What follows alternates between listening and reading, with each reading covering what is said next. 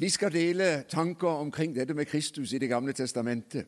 Sist jeg var her, så hadde jeg med to bøker. En om Johannes' åpenbaring, Jesu gjenkomst, og en om Efeserbrevet, 'Inntar din himmelske arv'. I høst så kom den tredje, som jeg rakk å få skrevet under pandemien. Så sier Herren.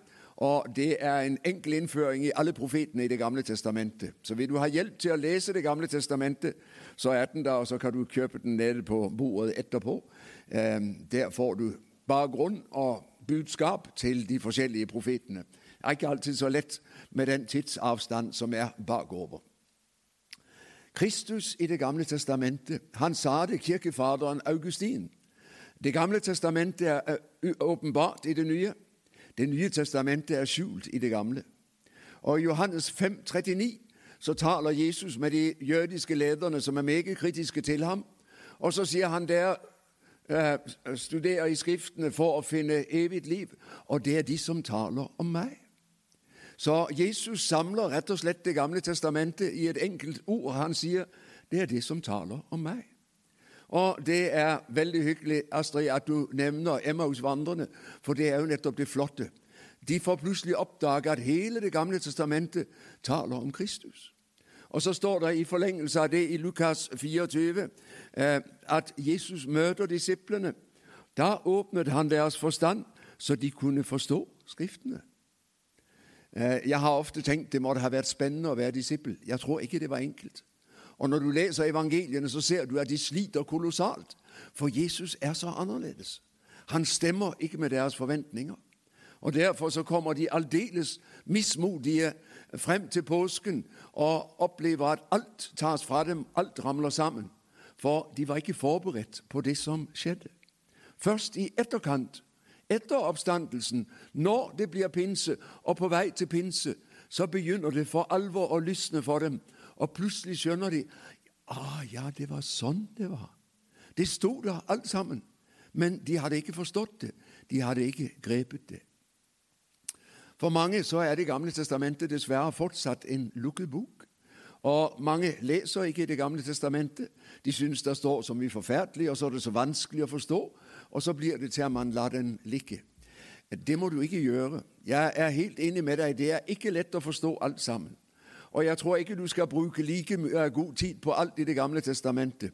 Forkynneren og høysangen og ordspråkene, les dem og gjør deg ferdig med dem. Det er greit. Men profetene, Jesaja, Jeremia, Esekiel, Daniel, Mosebøkene, Salmenes bok Det er masser av gull å hente.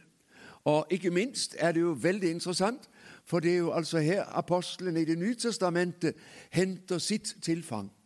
Hva er Det nye testamentet? Ja, prøv å bla igjennom og se alle skrifthenvisningene. Og Starter du i Matteus 1, så starter du med hele Jesu etter tavle tilbake til Abraham. Og så er det altså Det gamle testamentet stadig vekk som møter oss.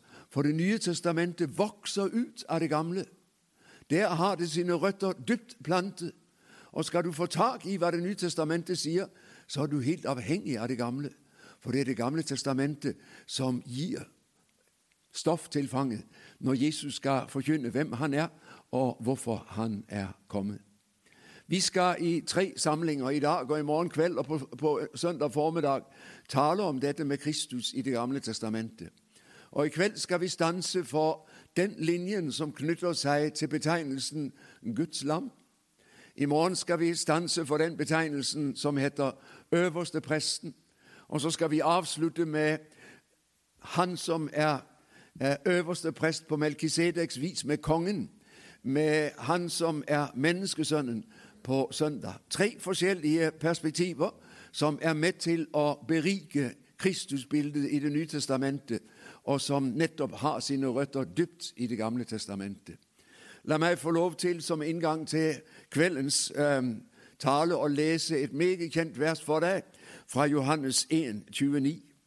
Dagen etter ser han Jesus kom gående mot seg, og han sier, Se Guds lam som bærer bort verdens synd. Se Guds lam. Johannes døperen han står der og peker på Jesus og sier 'Se Guds lam', og regner åpenbart med at alle de som står omkring ham og hører, skjønner hva han mener.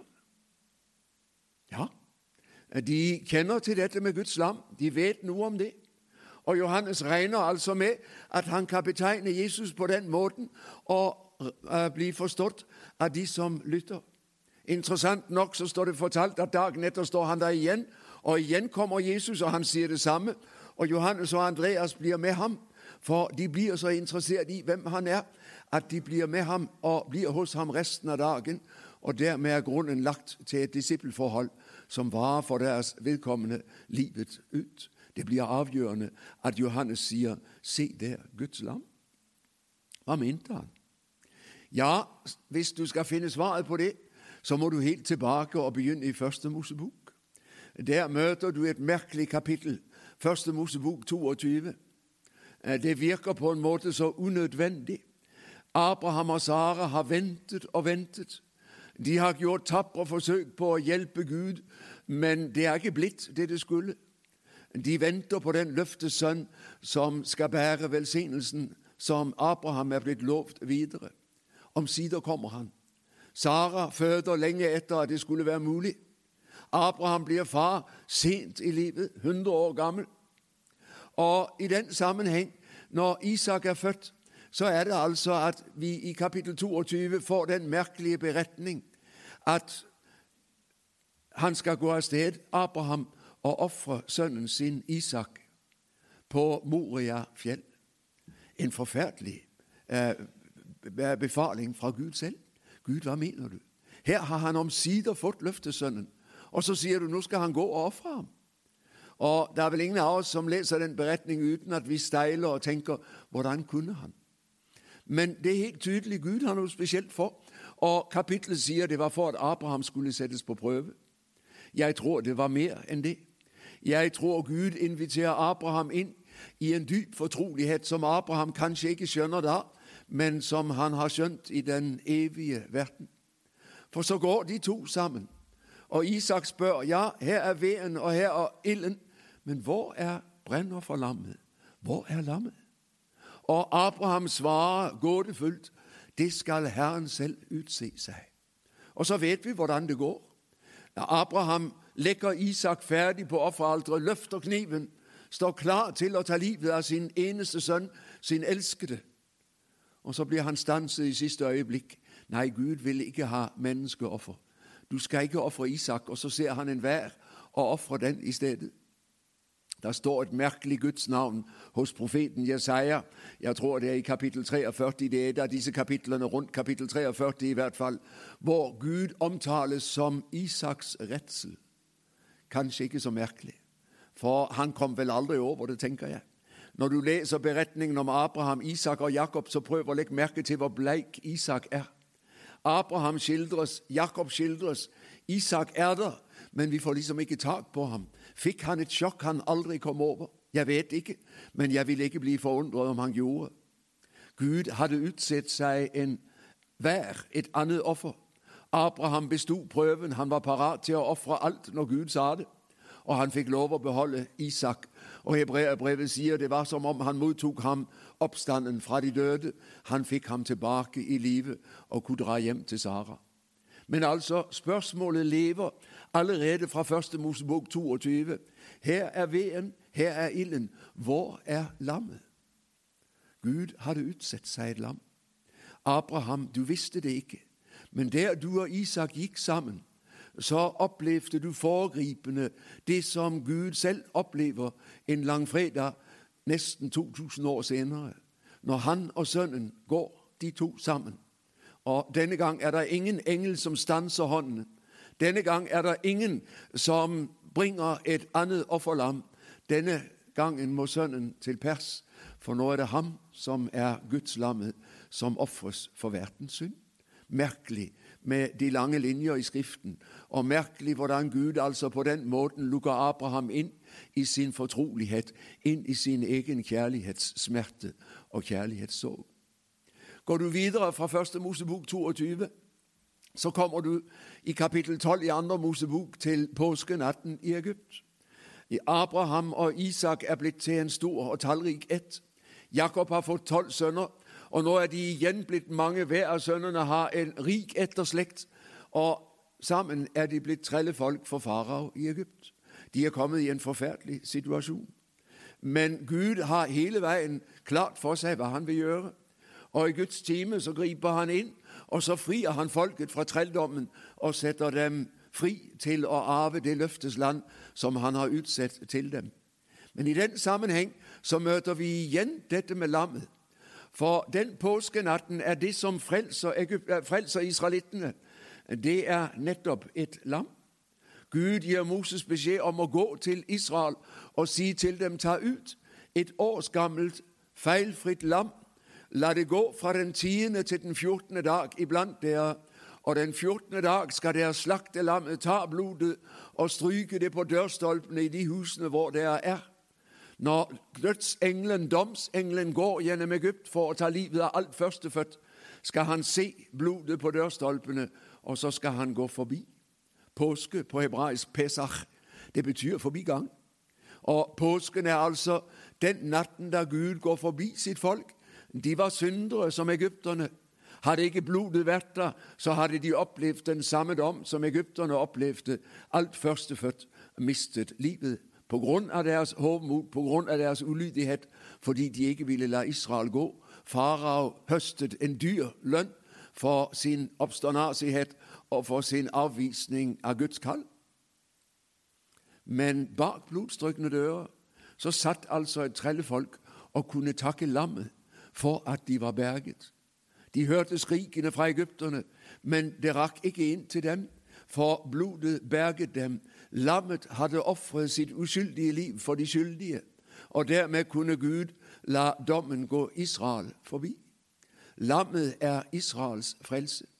Og på grunn av lammet kan de vandre ut av trelldommens og dødens Egypt til det livets land som Gud har kalt dem til. Kan de begi seg på vei mot det mål Gud har gitt dem? Lammet har berget dem fra Guds dom og fra den undergang som ellers ventet dem. Når de omsider kommer frem i landet, så har de underveis stanset ved Sinai fjell. Og ved Sinai fjell har Gud sluttet pakt med folket sitt. Og så har han gitt dem det nådemiddel som gjør at de som et syndig folk kan leve med den hellige Gud. Det er jo egentlig utenkelig. Hvordan i all verden kan syndere leve for den helliges ansikt? Nei, det går ikke.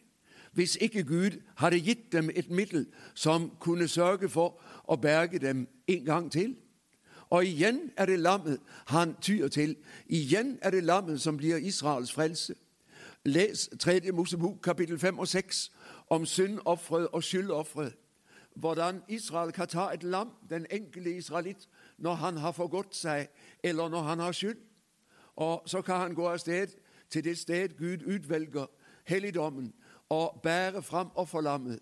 Og i kraft av offerlammets død og i kraft av offerlammets blod, så kan han få lov å høre ordet om syndenes forlatelse. Lammet berger den enkelte israelitt. Og i 3. Mosebok kapittel 16 så møter du kapitlet om den store forsoningsdag, om Jom Kippur. Og Jom Kippur er den dag i året hvor hele Israel får lov å stå for Herrens ansikt med sine synder og oppleve at øverste fresten begir seg inn i det aller helligste på folkets vegne med blodet av en av de to bukkene som er ført frem til tabernaklets inngang. Og i kraft av offerblodet så soner blodet folkets synd, så Gud kan tilgi.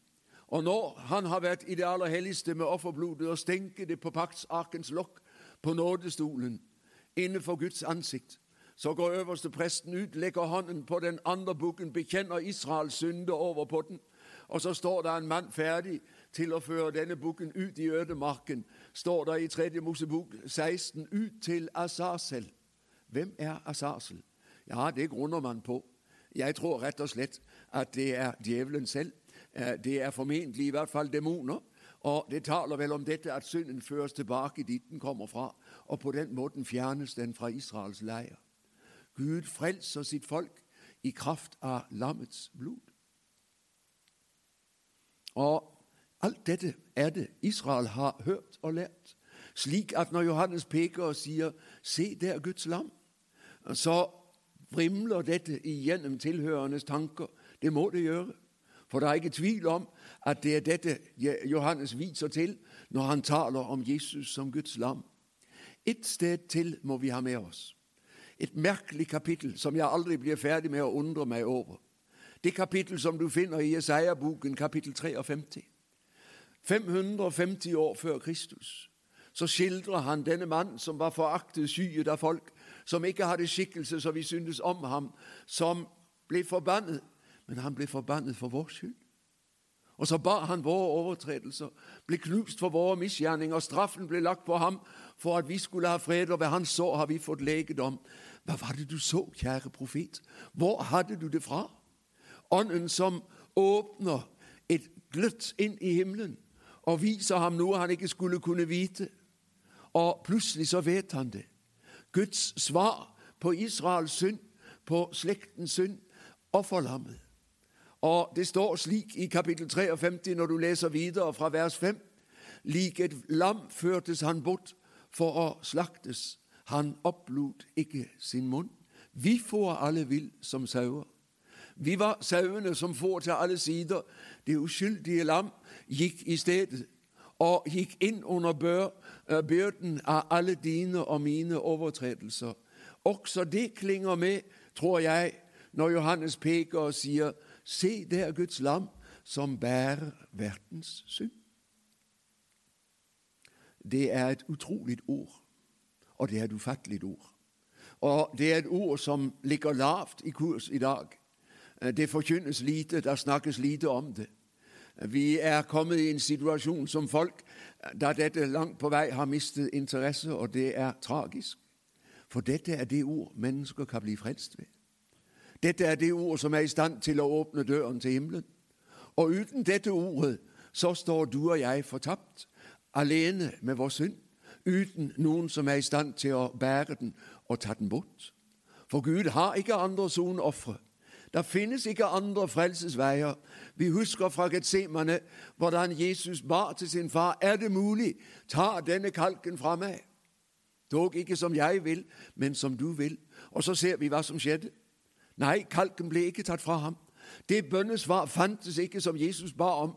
Er det mulig, ta denne kalken fra meg? Nei, sa far, det er ikke mulig. Du er nødt til å gå. Og så gikk de to sammen. Og som sagt, denne gang var det ikke noen som sa til far, der er et annet offer. Sønnen måtte bøte. Men sønnen, hvem er han? Det er Gud selv.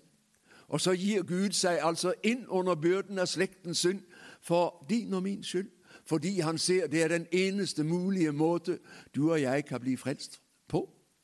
Derfor trenger du og jeg dette ordet om lammet fremfor noe. Og Derfor er det her du og jeg kan finne både frelse og frelsesvisshet. Mange, også troende mennesker, sliter med dette og tror at Guds nåde rekker. Det er ikke så lenge siden jeg var et sted hvor de sa til meg at noen av de gamle damer i forsamlingen de spurte holder dette med Jesus. Ja, at han kanskje tilgir 60% av våre synder, men han kan umulig tilgi alt. Og det er herlig å få lov å gå med et ord som sier Jesu Guds sønns blod renser fra all synd. All synd. Min venn, det er ikke din bibellesning. Det er ikke din bønn. Det er ikke din tjeneste. Det er ikke ditt vitnesbyrd.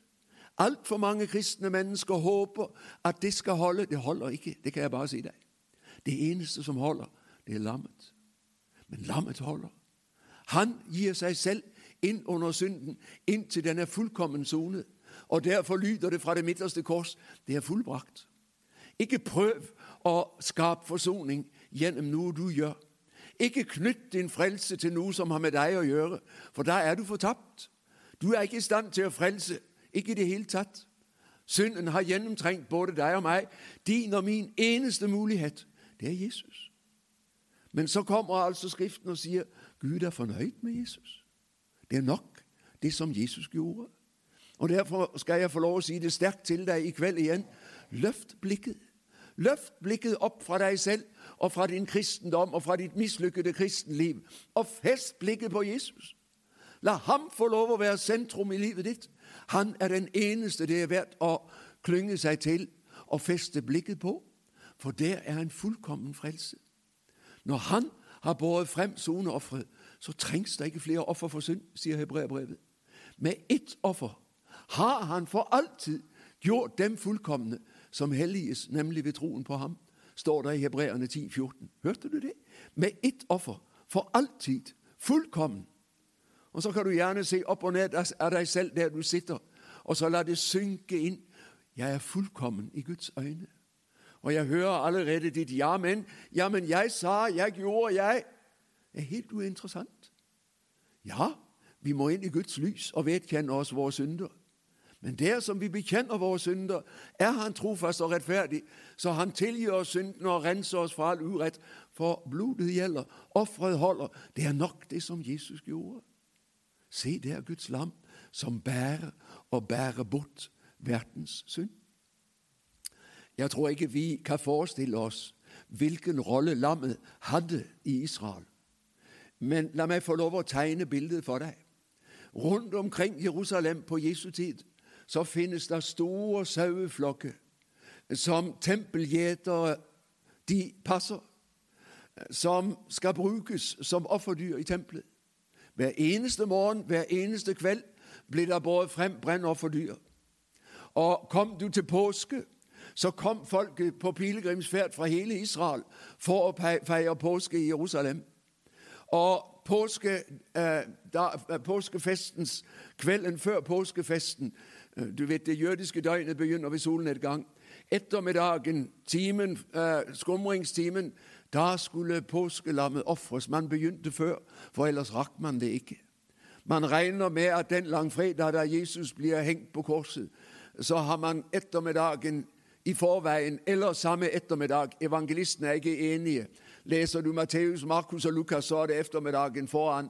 Hvis du leser Johannes, så er det samme ettermiddag som Jesus henger på korset. Så slaktes det 15 000 lam på tempelplassen i Jerusalem. Det er så mange at de må rett og slett utvide tempelplassen. De har ikke plass nok. Og Hvis du tror at det å være prest i Israel det var å gå rundt i en pyntelig hvit prestedrakt eh, som ikke ble skitten, så tar du aldeles feil. For hva var presten? Han var først og fremst offerprest. Hva var hans oppgave? Først og fremst å bære fram alle de ofrene som israelittene kom med til soning for sine synder, til takkoffer osv. Og så er presten i kraftig arbeid midt i varmen, i solsteiken påske, eh, ettermiddagen før påskefesten, beredelsesdagen til påsken. Og så slaktes det og slaktes det og slaktes det. 15 000 lam. Hvor mange prester må det til? Hvor mange skarpe kniver må det til? Hvor mange kar må det til for å fange opp alt dette blodet? Og så fikk hver eh, husstands eh, hver far, ti i husstanden, fikk med seg et lam hjem som de stekte om aftenen, og som var påskelammet og påskemåltidet. Og så taler lammet sterkt både om det sonende blod, men også om dette Gud vil ha fellesskap med deg og meg. Derfor dør Jesus, for å sone synden, så du og jeg kan leve i Guds nærhet. Og Det er veldig interessant. Påskelammet det er både et offerlam, men det er samtidig et måltidslam, et samfunnslam. Gud dekker bord for sitt folk påskenatten i Egypt. Og så sier han, ta dette lam, steik det og spis det. For nå skal dere ut på en lang vandring. Og skal dere klare å holde ut denne vandringen, så må dere ha krefter. Så må dere ta til dere næring. Og så er påskefesten både soning og måltidsfellesskap.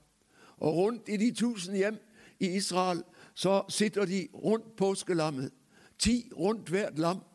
Og er det små husholdninger, så slår de seg sammen. Er de store, så må de ha et lam til. Men uansett så regner man ti stykker på hvert lam.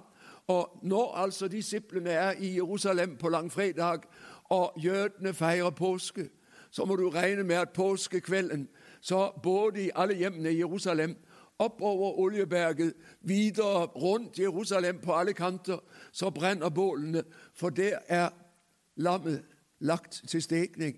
Det henger på spidd, og så steikes de til til samfunnsmåltid, slik at man i løpet av kvelden kan dele av lammet og lammets kjøtt, og på den måten hente styrke til vandringen. Det er ikke tilfeldig at Jesus på skjærtorsdagskvelden tok et brød, takket brød til ga disiplene og sa ta dette og et det, dette er mitt legeme som gis for dere. Og så tok han kalken og delte den ut og sa drikk, dette er mitt blod som utøses for dere. Det går rett inn i påskens symbolikk. Offerlammet, her er han. Nå gir han seg til dem. Og nei, det er ikke snakk om at man spiser ham på den måten at man er menneskeetere. Men han innstifter sakramentet for gjennom det å gi seg selv til oss, og for at du og jeg hver gang vi går til alters og spiser sakramentet, skal vite her møter han meg, her styrker han meg til vandringen. For jeg står midt i en ørkenvandring, og ikke minst i denne tid i Norge, når du ser hvordan det utvikler seg. Hvordan skal jeg overleve i en ulvetid som denne? Ved å ta min tilflukt til offerlammet og ved å ta imot lammet slik han gir seg til meg, mitt legeme, mitt blod, gitt og utøst for deg. Og så skal du ta imot med glede og takk og vite han styrker meg, så jeg kan stå imot alle Satans angrep, så jeg kan bli bevart gjennom denne ulvetid, og så jeg kan nå frem til løfteslandet, det evige liv han har kalt meg til. Kristus i Det gamle testamentet et av de viktige motiver hvor du møter Kristus i Det gamle testamentet, det er lammet. Helt fra Abraham skulle ofre Isak, via påsken, via hele offertjenesten opp gjennom hele den gamle pakt. For du vet, det som innstiftes i tredje Mosebok, både den store forsoningsdag og alle de forskjellige ofrene den enkelte israelitt kan bringe, det lever i Israel uten at du og jeg merker det århundre etter århundre, fra Moses frem til Kristus. Ja, helt frem til år 70. Da er det slutt. Og da blir alle jødiske prester arbeidsledige. Og er det frem til denne dag. For når tempelet faller år 70, så er det slutt på den gammeltestamentlige offertjenesten. Og siden har det aldri vært noe tempel. Og derfor har jødene aldri kunnet ofre etter det. Og derfor bæres det ikke lenger frem offerlam og Derfor er det ikke lenger noen offertjeneste i Israel. Og Rabbinerne og de skriftlærde var nødt til å tenke om igjen, for nå hadde de plutselig ikke noe soningsmiddel lenger. Og så lærer man i dag jødene at ved dine almisser og dine gode gjerninger og ved dine bønner, så blir du forsonet med Gud. Men er det forsoning i almisser og gode gjerninger og bønner? Nei. Det er forsoning ett sted i Kristus. Og Derfor trenger Israel å høre om ham og derfor trenger du og jeg å høre om ham. For lammet, Kristus i Det gamle testamentet, åpenbart på Golgata, og skjenket til deg og meg for at du og jeg skal ha liv ved ham. Det er liv i et blikk på det blødende lam. Det er frelse, o synder, for deg. Se, se, se og liv. Se der, Guds lam, som bærer og bærer bort verdens synd og din synd, min venn. Ham trenger du. Han er her i kveld for en gang til å si det til deg. Det var for deg jeg døde. Jeg har gjort alt som var nødvendig. La det være nok. Våg å takke ham i ditt hjerte, og grip det. Og la frelsen og frelsesvissheten fornyes i ditt hjerte på denne fredagskvelden. Takk, Jesus, at det bærer også for meg. Det er gått et år siden jeg var her sist. Den 10. november tok jeg avskjed med hun som jeg har fulgtes med hele livet. Og det er tøft. Men det var veldig flott å se hvordan det bar helt inn i det siste åndedrag. Jesus holder. Han går det an å satse på i liv og død og dom. Og det skal du og jeg få lov til. Herre Jesus, takk fordi du var villig til å være son og forlammet for oss. Og takk fordi vi i din død skal få lov å eie livet. Herre, hjelp oss til å se det vi trenger ikke noe annet. Vi trenger ikke noe mer. Det er nok, det som du har gjort for oss. Amen.